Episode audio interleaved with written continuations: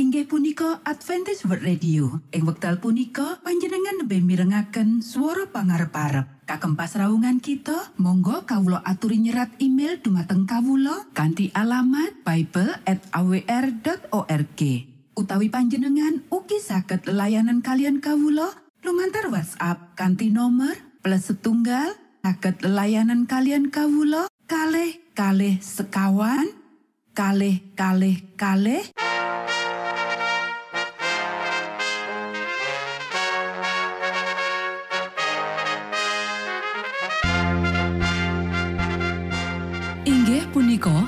Adventist World Radio ingkang giaran kanti basa Jawi.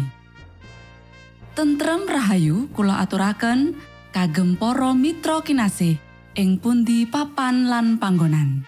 Sugeng pepanggian malih kalian Adventist World Radio. Kanti bingahing manah Kulo badi sesarengan kalian poro mitra kinasi. Lumantar saperangan adicara ingkang sampun rinonci. Mligi kagem panjenengan sami. Mugi giaran punika saged migunani tuwin dados berkah kagem kita sedoyo. Sugeng midhangetaken Gusti amberkahi.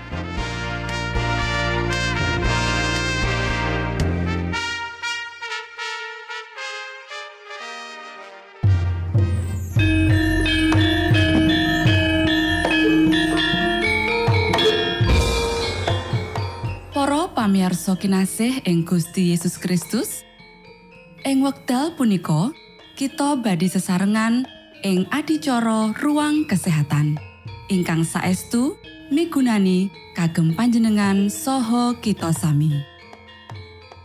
Tips utawi pitedah ingkang dipun aturaken ing program punika tetales dawuhipun Gusti ingkang dipunnyatakaken ing kitab suci. Semanten ugi sakehing seratan ingkang dipun wangsitaken dening Gusti Allah. Nanging saderengipun, monggo kita sami midhangetaken kidung pujian.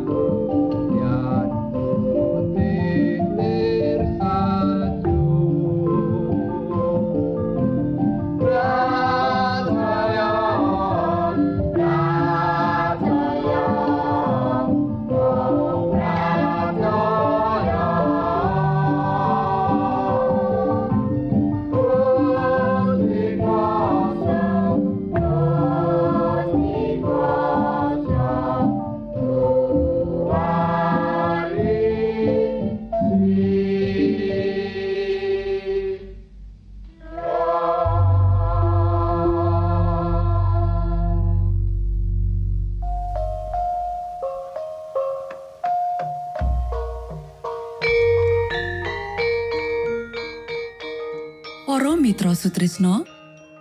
Puji syukur dumateng Gusti ingkang murbeng dumati ingkang sampun kepareng paring wewenngan kagem kita. Satemah saged nglajengaken ruang kesehatan.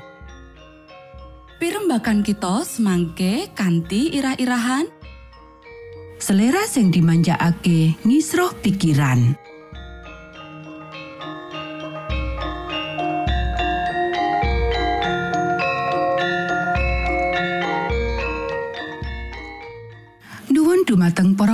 Para pamiarsa ingkang dahat kinurmatan, sugeng pepanggian malih kalian kula Isti Kurnaidi ing adicara ruang kesehatan. Ing dinten punika kanthi irah-irahan, selera sing dimanjakake ngisroh pikiran. Para sederek ingkang kinasih, kesehatan kita disokong dening apa sing kita pangan. Menawa selera kita ora dikuasani dening pikiran sing diselarasake, menawa kita ora tarak sakjroning bab mangan lan ngombe, kita ora antuk kesehatan badan lan mental kanggo nyinauni sabdaning Gusti kanthi semboyan. Mangkene sabdaning Gusti. Apa sing bakal tak lakoni supaya bisa marisi urip langgeng? Pakulinan sing ora sehat bakal ngasilake kahanan sing ora sehat sakjroning organ badan. Banjur wetengi sing alus minangka mesin urip bakal tatu lan akire ora bisa nindakake tugase kanthi becik. Carane mangan lan ngombe cerdak karo rekol dosa lan pacoban. Para sederek ingkang kinasih, menawa juru wilujeng menungso kanthi kekuatan ilahine rumangsa perlu ndedonga Saipa luwih gedhe manungsa ringkeh lan dosa kutune krasa kebutuhane sakjroning tungo sing temenan lan tansah. Waktu Sang Kristus diserang pacoban sing tapi panjenengane ora dahar. Panjenengane masrahake diri marang Gusti Allah. Lumantar tungo sing temenan lan kapasrahan sing sempurna marang ramane, panjenengane metu dadi pemenang. Para sederek, wong-wong sing aku ngujengi kabeneran wektu iki ing sak kabeh golongan sing aku umat agama kutune niru tulodo agung sakjroning ndedonga. Sawijining murid kutune dadi padha karo gurune. Para sederek, meja nedha kita asring dikebaki karo panganan mewah sing ora nyehatake lan ora perlu amarga kita gandrungi iku luwih katimbang panyingkuran diri bebas saka leloro lan kelantipan otak Gusti Yesus kanthi temenan goleki kekuatan saka ramane Putraning Allah nganggep iki luwih aji kanggo panjenengane ketimbang lungguh ing meja nedha sing kebak panganan mewah. panjenengane wis mbuktekake marang kita menawa donga penting banget nampa kekuatan nglawan kuasa pepeteng lan nindakake kewajiban sing dipercayakake marang kita. Kekuatan kita dhewe ya iku karingkihan. Nanging sing diparingake Gusti Allah marang kita ya iku kuasa nganti saben wong sing entuk iku luwih gedhe katimbang sawijining pemenang.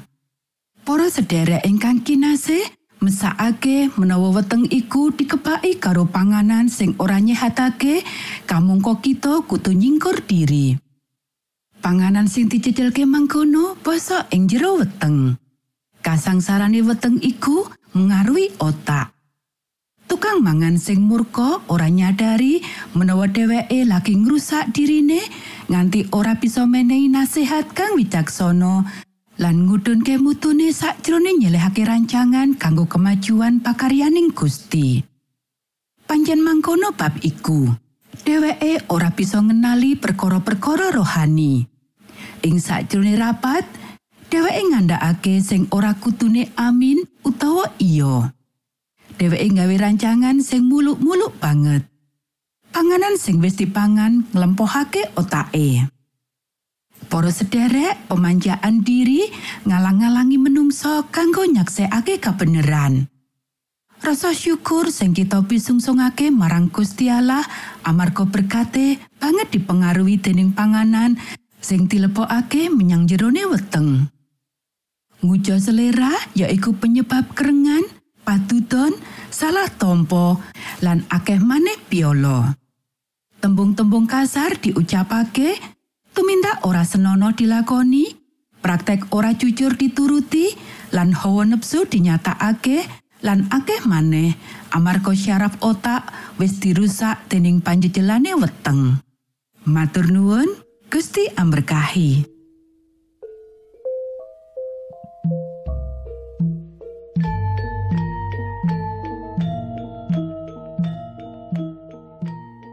Cekap semanten pimbakan ruang kesehatan ing episode dinten punika. Ugi sampun kuatos jalaran kita badhe pinanggih malih ing episode sak lajengipun.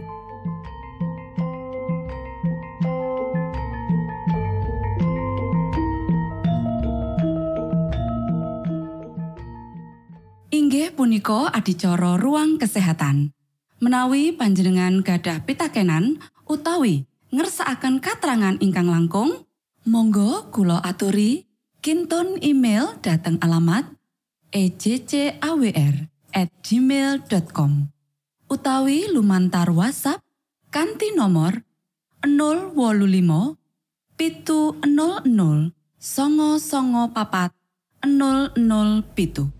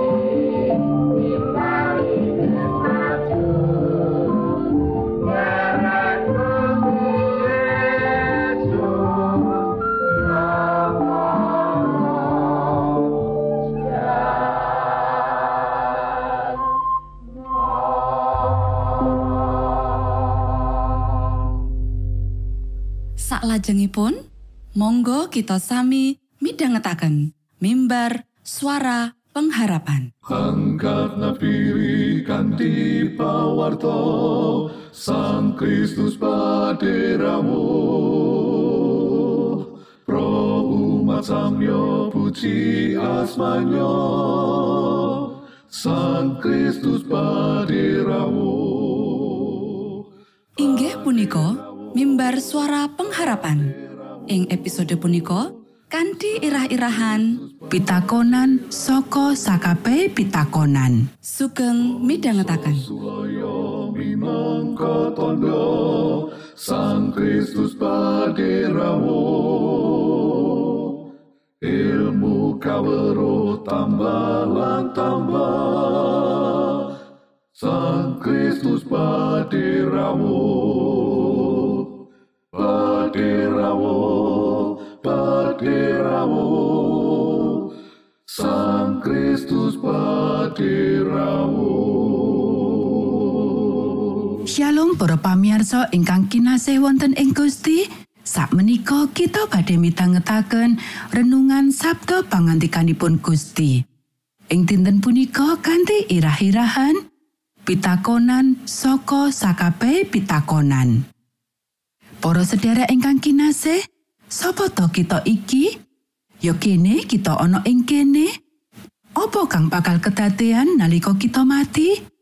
Kepiye nasib kita ing pungkasaning urip? Para sederek, jroning akeh bab, kabeh iki minangka pitakonan kang paling wigati sing bisa ditakokake dening para jalma kang fana, yaiku jalma kang urip kang bisa mati. Kerang utawa pitik uga jalma kang urip nanging kewan kuwi ora weruh babagan iku. Para sederek ing kitab Lukas ana pawongan marek ing ngarsane Gusti Yesus unjuk pitakonan kang nyatane minangka pitakonan kang wigati sanget saka sakai pitakonan. Ayo kita waca ing kitab Lukas pasal 10 ayat selawe. Ing sawijining dina ana ahli Toret ngadeg sumadya nyoba marang Gusti Yesus ature. Guru, punapa ingkang ketah kula lampahi amrih kula angsal gesang langgeng? Para sederek saipo temeni pitakonan kuwi, kitab suci kanthi cetha nyatakake menawa wong iku teka mung arep nyoba Gusti Yesus. Kita mangerteni menawa kadangkala ana sawetara wong-wong teka karo duweni pangrasa kang mangu-mangu, malah ora yakin utawa ora percaya lan malah ora temenan karo pitakone. Nanging wong-wong kuwi tetep isih bisa karengkuh. Tegese kanthi cara mangkono, Gusti Yesus ngadepi para ahli Toret kuwi senajan panjenengane pirsa karepe kang wiwitan saka wong kuwi ora sepiro ikhlas ing atine. Nanging kanggo para ahli Toret kang para pamirengi liyane, pitakonan kuwi sejatine minangka pambuka sing Gusti Yesus bisa gunakake kanggo nyurung wong-wong iku nitipriksa atine dhewe. Malah pirsa maksude saka para ahli Toret kuwi Gusti ora kira nglirwakake utawa ora ngajeni. Ing pungkasane, pitakonan apa kang luwih wigati kabandingake saka pitakonan iki? Apa kang kudu tak lakoni kanggo antuk urip kang langgeng? Ora peduli kanthi cara praktek utawa ritual agama kita, pitakonan iki minangka kosok wangsule saka sakabehe iku. Babagan kang ora laras karo iku, apa maneh kang nyata-nyata bener lan wigati kanggo para jalma kang urip digambarake kaya dene uap, katon mung sedelo, banjur sirna. Yakobus pasal papat ayat 14. Awit, apa siji-sijine pilihan liya kanggo urip langgeng, kajaba mati kang langgeng? Para sedherek ingkang kinasih, saipo mangu-mangu maksude, para ahli Taurat iki unjuk pitakonan kang wigati banget. Lan Gusti Yesus tansah tanggap kanggo nggunakake saben wewengan kanggo ngayahi misi kanthi njupuk kauntungan lan wewengan kuwi kanggo nggayuh jiwa-jiwa. Monggo kita sami ndedonga. Duh Rama kawula ingkang wonten ing swarga, asma patuko mugi kasucikaken. Kraton patuko mugi rawuh, Pamirsa Patuko mugi kalampahan wonten ing bumi kados dene wonten ing swarga. Kawula mugi kaparingan rejeki kawula sak cekapipun ing dinten punika. Saha patuko mugi ngapunten kalepatan kawula kados dene kawula inggih ngapunteni tetiang ingkang kalepatan dhateng kawula. Punapa dene kawula mugi sampun ngantos katantukaken dhateng ing panggoda nanging mugi sami patuko uwalaken saking piawon. Awit dene patuko ingkang kagungan kraton saha wisesa tuwin kamulyan salami laminipun. Amin.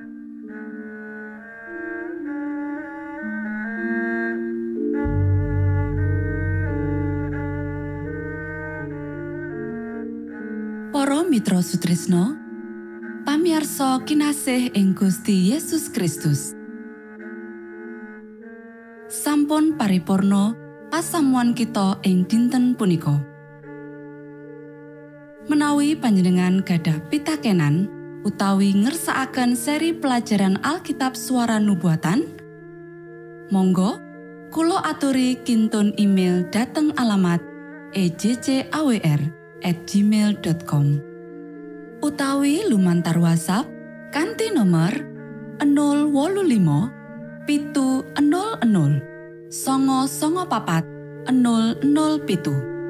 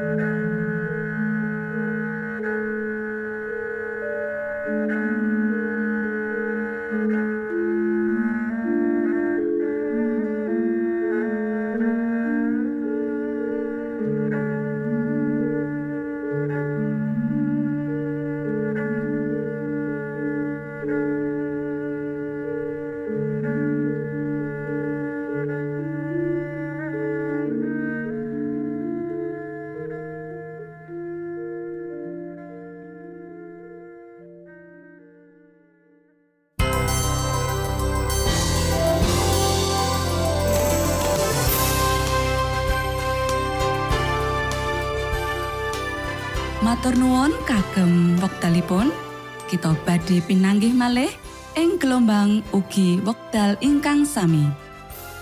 Saking studio kula ngaturaken tentrem rahayu. Gusti amberkahi kita sedaya. Maranata